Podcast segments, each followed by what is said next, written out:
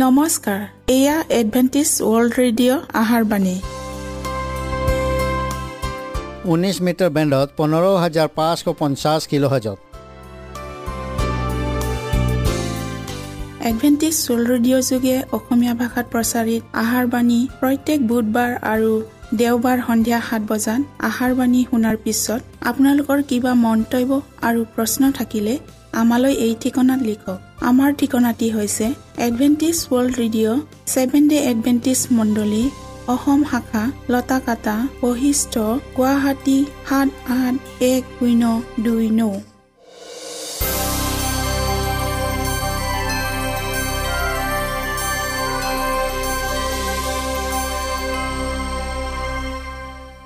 প্ৰিয় শ্ৰোতা বন্ধুসকল এতিয়া শুনো আহক এটি খ্ৰীষ্টীয় ধৰ্মীয় গীত।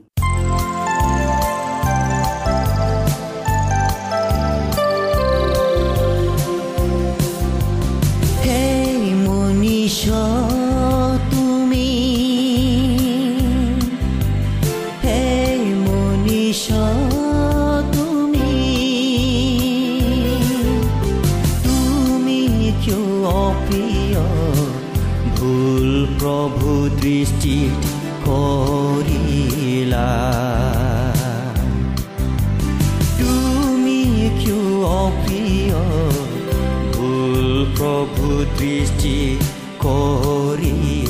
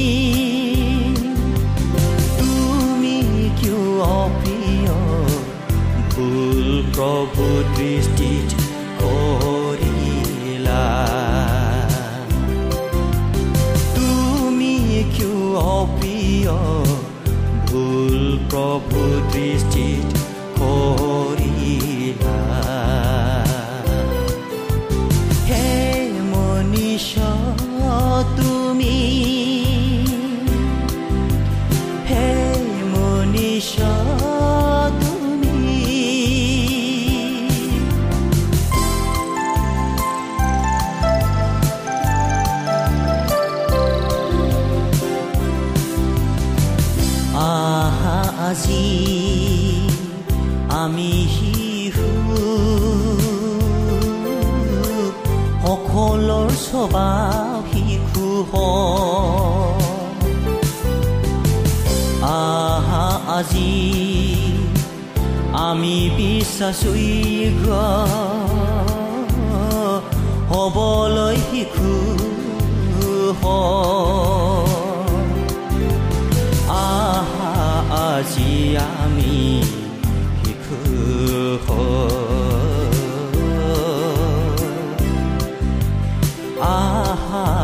আজি আমি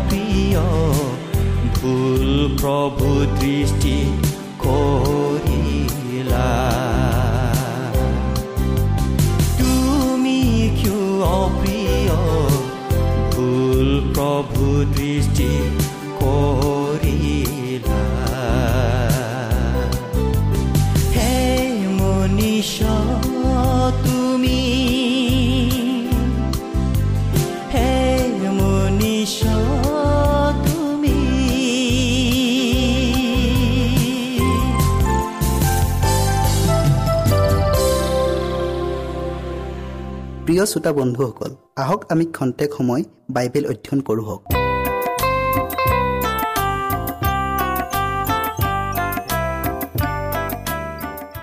আজিৰ বিষয় হৈছে সেই মানুহ বুৱতী পানীৰ দাঁতিত ৰোৱা গছৰ নিচিনা। সঁচাকৈ গছবোৰ ঈশ্বৰৰ হাতৰ কৰ্মৰ গৌৰৱৰ প্ৰকৃত উদাহৰণ। ঈশ্বৰে বাইবেলত গছৰ অনেক ৰূপে বৰ্ণনা কৰা উল্লেখ আছে। উদাহৰণস্বৰূপে তেওঁ কৈছে ধাৰ্মিক লোক খেজুৰ গছৰ দৰে জকমকাব। লিবানুনৰ এৰছ গছৰ নিচিনাকৈ বাঢ়িব।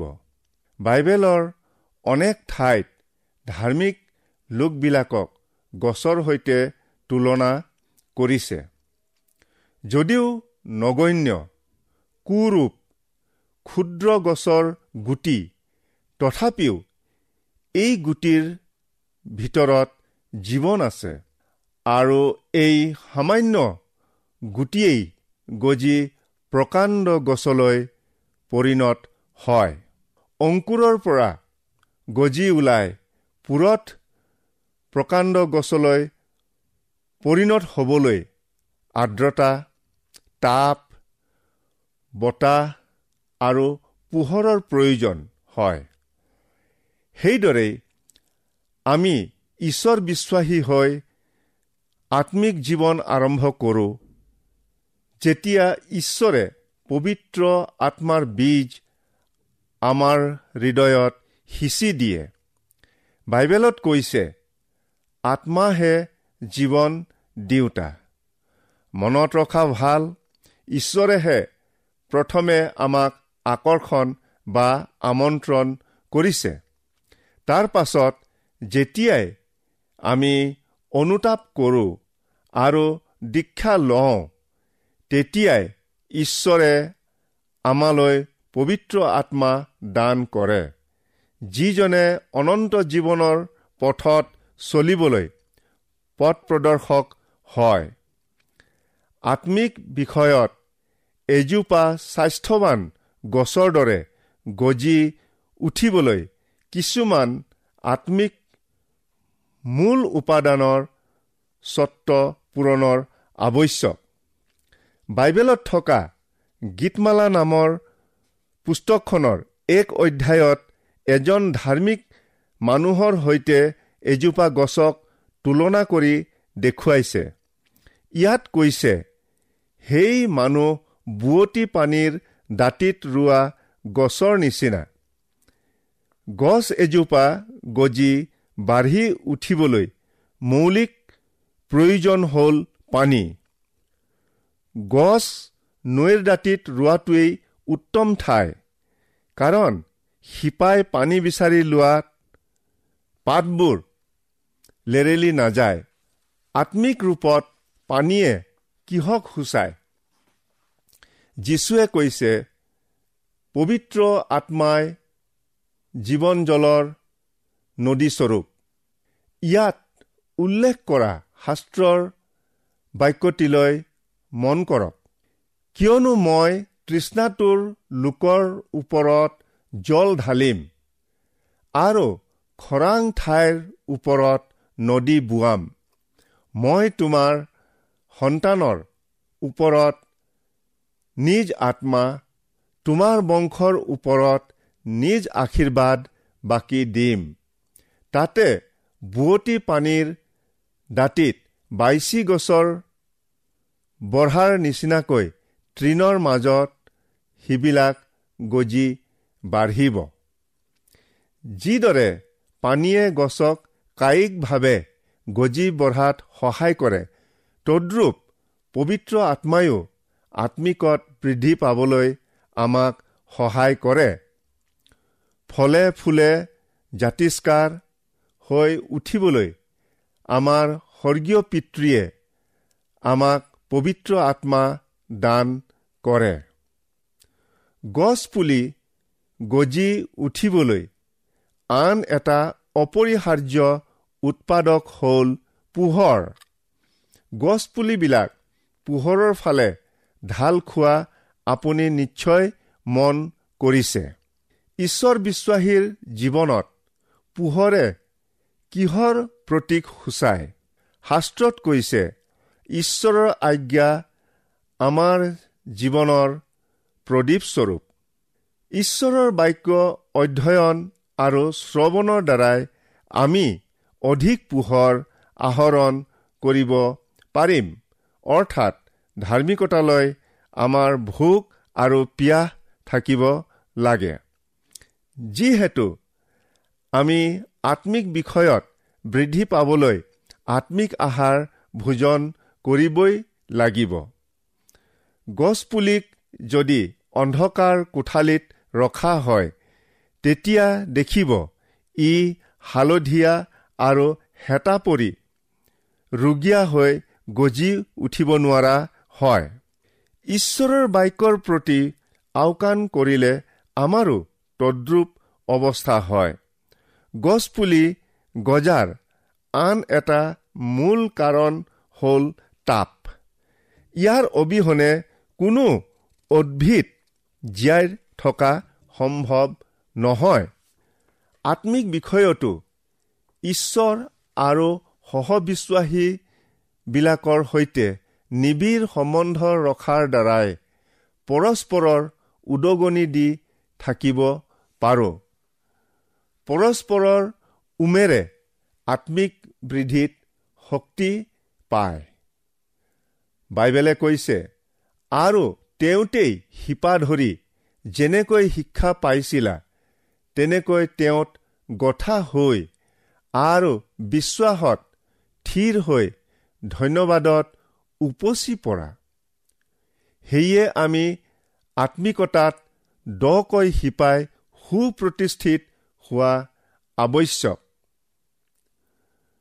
বাঢ়ি উঠা গছক পোক পৰুৱা নানা প্ৰকাৰৰ বেমাৰৰ পৰা আক্ৰান্ত হোৱাৰ উপৰিও ধুমুহা বতাহে গছক উঘালি পেলোৱাৰ সম্ভাৱনা থাকে। যদিহে গছৰ শিপা দকৈ ভিতৰলৈ নাযায়। আপুনি প্ৰকাণ্ড গছবোৰলৈ মন কৰিছেনে? সেই গছবোৰৰ গাৰ বাকলিবোৰ শুকাই টুকুৰা টুকুৰকৈ এৰাই যোৱা দেখিছেনে? ঠিক সেইদৰে আমি দৈনিক মৃত্যুৰ মুখত পৰি আমাৰ কুস্বভাৱবোৰ ত্যাগ কৰোঁ হওক। অৰ্থাৎ আত্মিক জীৱনত ফলৱান হ'বলৈ আমাৰ পৰিৱৰ্তন হ'বই লাগিব। কেৱল দৈনিক মৃত্যুৱেই যথেষ্ট নহয়। গছবোৰক কলম দি পৰিষ্কাৰো কৰিব লাগে। যীশুখ্ৰীষ্টই কৈছে ময়েই প্ৰকৃত দ্ৰাক্ষালতা। মোৰ পিতৃ দ্ৰাক্ষালতাৰ খেতিয়ক। মোৰ যি যি ডালত গুটি নধৰে সেইবোৰক গুচাই পেলায়। আৰু যি যি ডালত গুটি ধৰে সেইবোৰত আৰু অধিক গুটি ধৰিবলৈ পৰিষ্কাৰ কৰি দিয়ে। যীশুৱে ইয়াত দুই প্ৰকাৰৰ পৰিষ্কাৰৰ কথা কৈছে। প্ৰথমবিধ পৰিষ্কাৰে ফল উৎপাদন কৰিব নোৱাৰা মৰা ডালৰ কথা কৈছে। কোনো লোকক ঈশ্বৰ বিশ্বাসী যেন দেখিলেও আত্মাত মৰা লোকহে হয়। কেতিয়াবা গোটেইজোপা গছেই মৰি যায়। এনেবোৰ গছ বতাহ ধুমুহাৰ সন্মুখত তিষ্ঠি থাকিব নোৱাৰে। শুকান পচা গছবোৰ জুইত পেলোৱাৰহে উপযোগী হয়। কাৰণ এনেকুৱা গছবোৰে কেতিয়াও ফল ধৰিব নোৱাৰে। দ্বিতীয়বিধ পৰিষ্কাৰে ফল ধৰা গছৰ ডালকো ন্যায়সংগতভাৱে কটা হয়। এই ঘটনাৰ দ্বাৰাই আমি জনা আৱশ্যক যে আমাৰ বিশ্বাস দৃঢ় কৰিবলৈ আৰু আত্মিক ফলৰে ফলৱান হ'বলৈ ঈশ্বৰে আমালৈ দুখ কষ্ট তাৰণা ইত্যাদি পঠিয়াই পৰীক্ষা কৰে যাতে আমি আৰু অধিক ৰূপে ফল ধৰিব পাৰোঁ। যীশুৱে আমি ফল ধৰা বা উৎপন্ন কৰা বিষয়ত গুৰুত্ব প্ৰদান কৰিছে। ইয়াতে তোমালোকত অধিক ফল ধৰিবলৈ মোৰ পিতৃ মহিমান্বিত হয় আৰু ইয়াৰেই তোমালোক মোৰ শিষ্য হৈ যাবা। ইয়াৰ পাছত তেওঁ আৰু ক'লে তোমালোকে যে মোক মনোনীত কৰিলা এনে নহয়। মইহে তোমালোকক মনোনীত কৰিলোঁ। আৰু তোমালোক যেন গৈ ফলৱন্ত হোৱা আৰু তোমালোকৰ ফল যেন থাকে। যীশুৱে আমাক ইয়াত প্ৰাকৃতিক ফল উৎপন্ন কৰা কথা কোৱা নাই কিন্তু আত্মিক ফল উৎপন্ন কৰা কথাহে কৈছে। এতিয়া আপুনি নিজকে সোধক আপোনাৰ প্ৰতি আৰোপ কৰা ঈশ্বৰীয় গুণবোৰ প্ৰতিফলিত হৈছেনে? ফল উৎপন্ন নকৰা মানেই আমি ঈশ্বৰৰ লোক নহওঁ। ঈশ্বৰে তেওঁৰ বিশ্বাসীবিলাকৰ প্ৰত্যেকজনকেই একোজোপা আত্মিক গছৰ দৰে দৃষ্টি কৰে। আপুনি কেনেকুৱা গছ? তেওঁৰ দৃষ্টিত। ঈশ্বৰৰ সৃষ্টিত নানা আকৃতিৰে বিভিন্ন গছ আছে। তেনেদৰে মানুহ হিচাপেও আমি এজনৰ পৰা আনজনৰ সৈতে নিশ্চিতৰূপে ভিন ভিন। কিন্তু মন কৰিবলগীয়া কথা এই যে আমি সকলোৱেই বৃদ্ধি পাব লাগে। নানা যন্ত্ৰণা দুখ কষ্ট তাৰণাৰ মাজেদিয়েই পবিত্ৰ আত্মা আৰু ঈশ্বৰৰ সত্য পোহৰৰ জলপান কৰি আত্মিকত জীৱিত কাৰ্যকাৰী আৰু সতেজ হওঁ হওক। আৰু তেওঁৰ ইচ্ছাৰ দৰে ফল উৎপন্ন কৰোঁ হওক যিহেতু যীশুৱে কৈছে সিহঁতৰ কৰ্মফলৰ দ্বাৰাই তোমালোকে সিহঁতক চিনিবা। কাৰণ যি গছে ভাল গুটি নধৰে তাক কাটি জুইত পেলোৱা হয়। আমি বাঢ়ি উঠাত ব্যাঘাত পোৱা আৰু ফলহীন গছৰ দৰে নহওঁহক। শাস্ত্ৰৰ এই বাক্যটিৰ প্ৰতি মন দিয়ক। যি পুৰুষে ঈশ্বৰত নিৰ্ভৰ কৰে আৰু যিজনৰ বিশ্বাসভূমি স্বয়ং ঈশ্বৰ সেই পুৰুষ ধন্য। কিয়নো তেওঁ জলৰ দাঁতিত ৰোৱা আৰু নদীৰ পাৰত বহু শিপা মেলা গছৰ নিচিনা হ'ব। খৰ মাৰিলে সি ভয় নকৰিব। কিন্তু তাৰ পাত কেঁচাই থাকিব। আৰু অনাবৃষ্টিৰ বছৰতো তাৰ চিন্তা নহ'ব। আৰু গুটি নলগাকৈ নাথাকিব। ঈশ্বৰৰ পবিত্ৰ আত্মাৰ ধাৰাবাহিকতাৰ শক্তিৰে আমি প্ৰত্যেকেই যেন বুৱতী পানীৰ দাঁতিত ৰোৱা গছৰ নিচিনা হওঁ হওক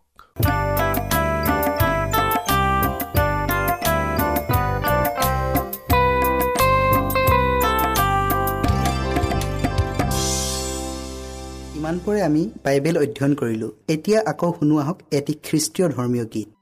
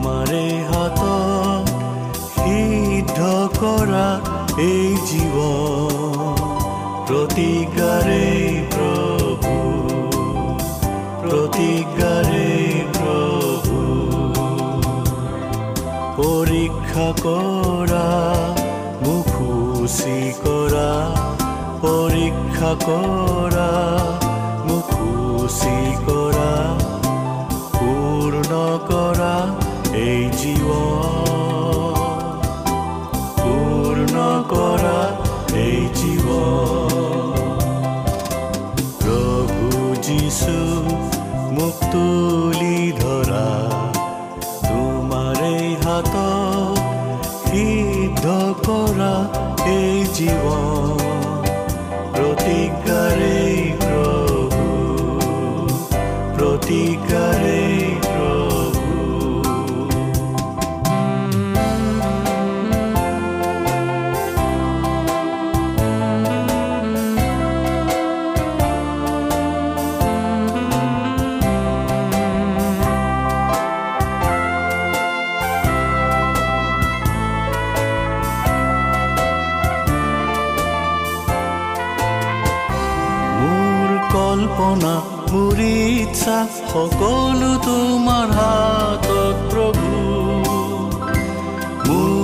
অন্তৰত প্ৰলোভন কোনো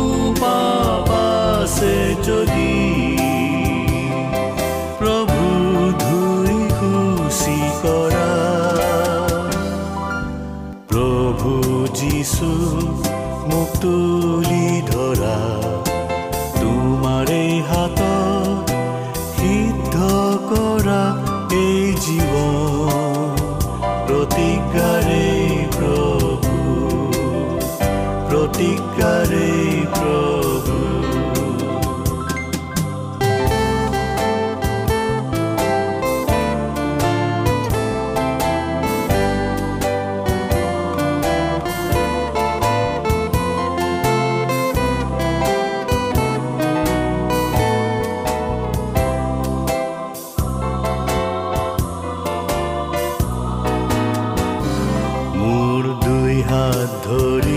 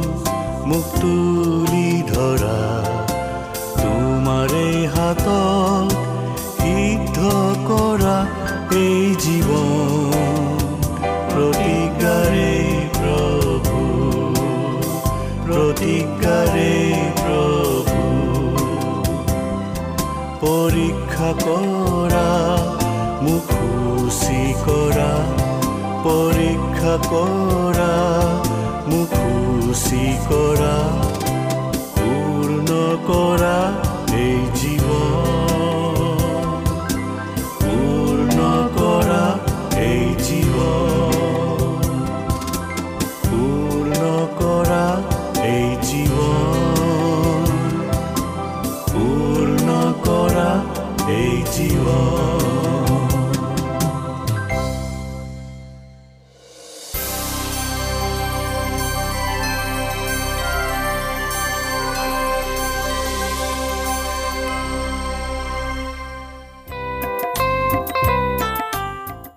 মনত ৰাখিব আমাৰ ঠিকনাটি পুনৰ কৈ দিছোঁ। Adventist World Radio' Assam Region of Seventh Day Adventist Voice of Hope Latakata Basistha Guwahati seven eight one zero' two nine প্ৰিয় শ্ৰোতা বন্ধুসকল এডভেণ্টিজ ৱৰ্ল্ড ৰেডিঅ' যোগে আহাৰবাণী প্ৰচাৰত আপোনালোকক পুনৰ লগ পোৱাৰ আহাৰে আজিলৈ সামৰিলোঁ। ধন্যবাদ।